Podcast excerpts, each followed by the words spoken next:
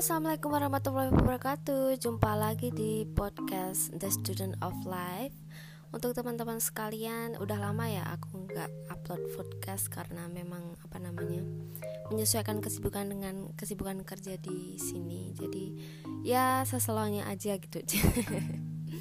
So untuk podcast pada episode kali ini sebenarnya aku pengen sih untuk sharing tentang kehidupan di Jepang karena memang banyak banget yang kemarin sempat apa namanya nanyain dan komen banyak banget di YouTube channel aku Turkin Travel Vlog. Kalau kalian bisa lihat uh, cari aja di YouTube Turkin Travel Vlog gitu.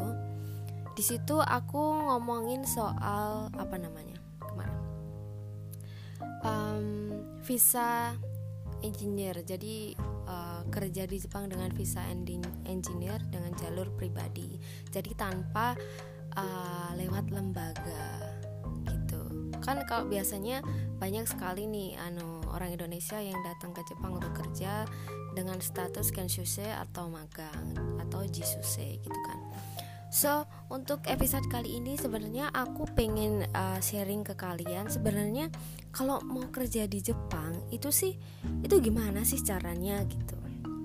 Oke, insya Allah ini apa namanya apa yang aku sampaikan itu berdasarkan uh, fakta dari aku dapat informasi dari teman juga, aku baca di website juga dan berdasarkan pengalaman diri aku sendiri gitu. So untuk kalian semua teman-teman yang ada di Indonesia nggak salah kok kalau misal kalian itu pengen punya karir pengen punya karir di Jepang gitu kan uh, untuk uh, bekerja gitu kan sebenarnya untuk aku sendiri bekerja di Jepang itu kita dapat duit juga selain itu dapat pengalaman juga gitu kan. Karena uh, aku merasa kalau di Indonesia aku tuh berada di zona zona nyaman atau di comfort zoneku gitu. Jadi di situ aku nggak akan berkembang gitu kan. Tapi di otakku itu ada banyak sekali plan-plan yang pengen aku lakuin gitu loh. Selain itu juga aku pengen nih aku tuh buat improve diri aku sendiri gitu loh dengan begitu aku apa namanya pengen nih untuk coba uh, berkarir di Jepang. Gimana sih? Kalau kita berada di luar comfort zone kita itu tuh secara tidak langsung diri kita sendiri itu akan akan terpush atau ada pressure untuk diri sendiri untuk menjadi orang yang independen kita bisa berkarya kita bisa belajar dari lingkungan sekitar kan kita tahu ya bahwa apa namanya budaya Indonesia dan budaya Jepang itu sangat berbeda. Dan dari situ kita bisa belajar sesuatu gitu. So apa salahnya gitu kan? Asalkan kalian juga mau belajar gitu dalam prosesnya gitu. Emang nggak mudah sih. Oke lanjut lagi. Gimana sih sebenarnya kalau pengen kerja di Jepang Oh, untuk teman-teman kalian kalau pengen uh, kerja di Jepang sebenarnya banyak caranya gitu. Kalau aku sendiri itu cara jalur pribadi. Jadi aku emang uh, apa namanya ke Jepang karena uh, jalur pribadi jadi tidak pakai lembaga dan itu aku semuanya ngurus sendiri karena di sini aku punya apa namanya punya uh, relasi uh, itu senseiku Kawasaki Sensei jadi dulu beliau itu guruku di waktu di SMK dia ngajarin aku keramik gitu. Dia orang Jepang asli. Dan setelah itu dari situ aku sering bantuin project-projectnya dia gitu. Dari sering bantuin projectnya dia sampai aku di bangku kuliah pun setiap sensei ke Indonesia untuk project seni tertentu kayak kemarin itu yang terakhir adalah project art brut gitu kan. Dari situ aku bantuin uh, sensei untuk uh, ngurusin project itu uh, apa seni untuk disabilities. Jadi dari situ uh, aku sama sensei itu deket maksudnya deket itu karena selalu membantu jadi sering untuk komunikasi gitu. Sensei juga nanyain kalau habis kuliah mau ngapain gitu kan dan habis kuliah itu akhirnya aku ngubungin sama sensei kalau aku tuh pengen ada nggak sih untuk kesempatan berkarir di Jepang gitu. Dan akhirnya sensei sendiri memberi kesempatan untuk aku gitu. Dan akhirnya aku ngajakin temen aku satu namanya Nisa Khairoti dan itu temen aku waktu kuliah di isi Yogyakarta. Oke dari situ uh, karena dapat relasi uh, jadi semua uh, keperluan visa untuk pengeluaran visa COE itu yang ngurusin semua adalah Sensei Kawasaki gitu. Jadi aku di Indonesia cuma ngurusin masalah apa pengiriman apa namanya soft copy untuk ijazah kelulusan terus apa namanya uh, isi bukan tesis apa namanya? Skripsi aku skripsi aku dalam bahasa Inggris untuk dikirimkan di imigrasi gitu. Karena sebenarnya nggak mudah untuk uh, dapat visa engineer secara mandiri melalui imigrasi langsung gitu. Karena uh, aku emang bukan lulusan universitas dari Jepang jadi imigrasi itu pengen percaya gitu apakah ini benar-benar mampu nggak sih untuk kerja di Jepang gitu? Ma ada nggak sih kemampuan untuk bahasa Jepang gitu?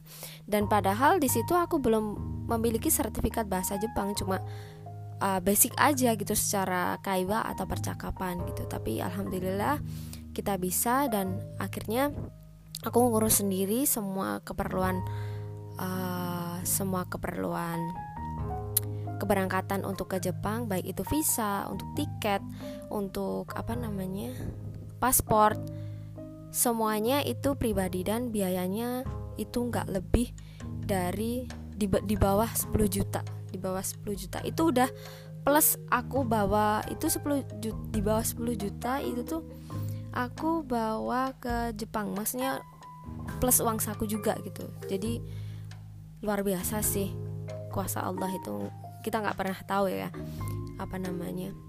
Rezeki itu nggak cuma soal duit tapi alhamdulillah kita dikelilingin orang-orang yang sangat baik yang mampu support kita jadi support system kita untuk bisa berkembang terus berkembang gitu.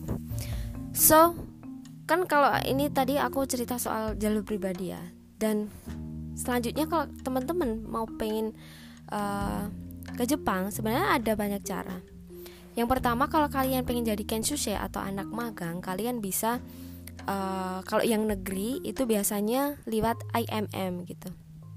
Lewat IMM ketik aja di uh, Google kalian bisa buka IMM uh, eh, magang di Jepang gitu. Nanti bakalan muncul website IMM dan di situ udah dijelasin semua bagaimana prosedur untuk caranya uh, bisa magang di Jepang jalur negeri ya. Jadi government to government.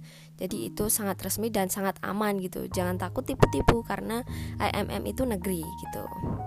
Dan katanya kalau lewat IMM itu biayanya juga nggak sampai puluh-puluhan juta kalau lewat LPK gitu. Tapi untuk seleksi di IMM sendiri itu katanya sih sangat ketat gitu. Menurut interview dari teman aku sendiri karena aku tanya ada temanku di sini yang lewat IMM gitu. Dan selanjutnya kalau kalian nggak nggak istilahnya kurang percaya diri kalau masuk EMM coba aja ada banyak sih LPK di Indonesia yang uh, sebagai bridging untuk kalian uh, jadi apa namanya kasusnya di Jepang gitu.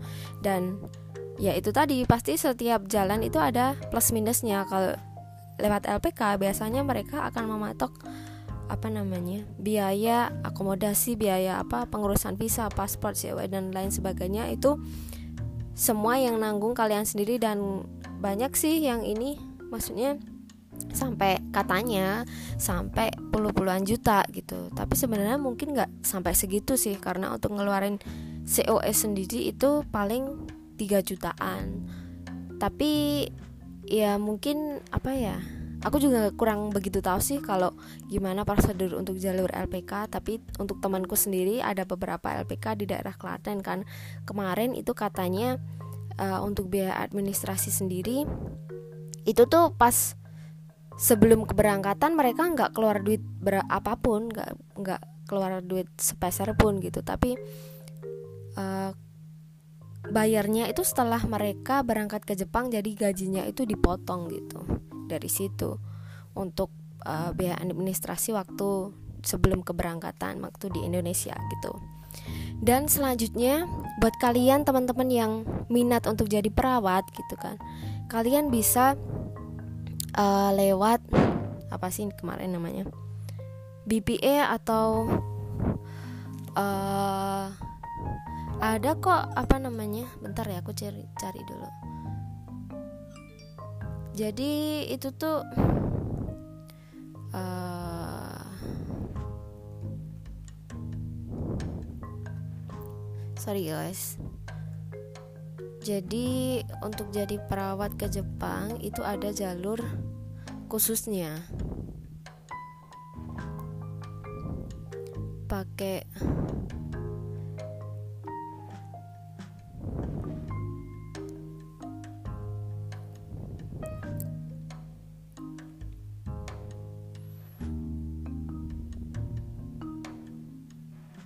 Pokoknya ada jalur G G2G government to government itu.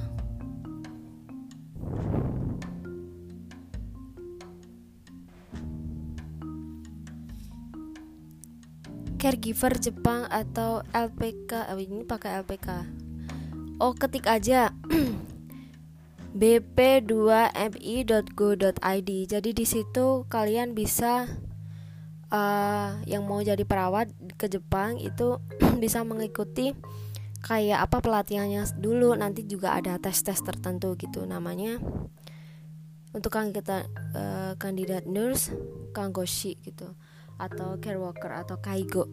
Dan kebetulan kalau kalian jadi perawat di sini itu kalian berkesempatan untuk dapat visa Tokutei Gino Visa gitu. Jadi kalian bisa kerja di sini selama kalian selama mungkin gitu. Selama kalian lolos ujian uh, praktek maupun ujian tertulisnya gitu dan kebetulan kalau uh, visa untuk perawat ini uh, itu di imigrasi dilakukan secara diperlakukan secara khusus atau spesial gitu.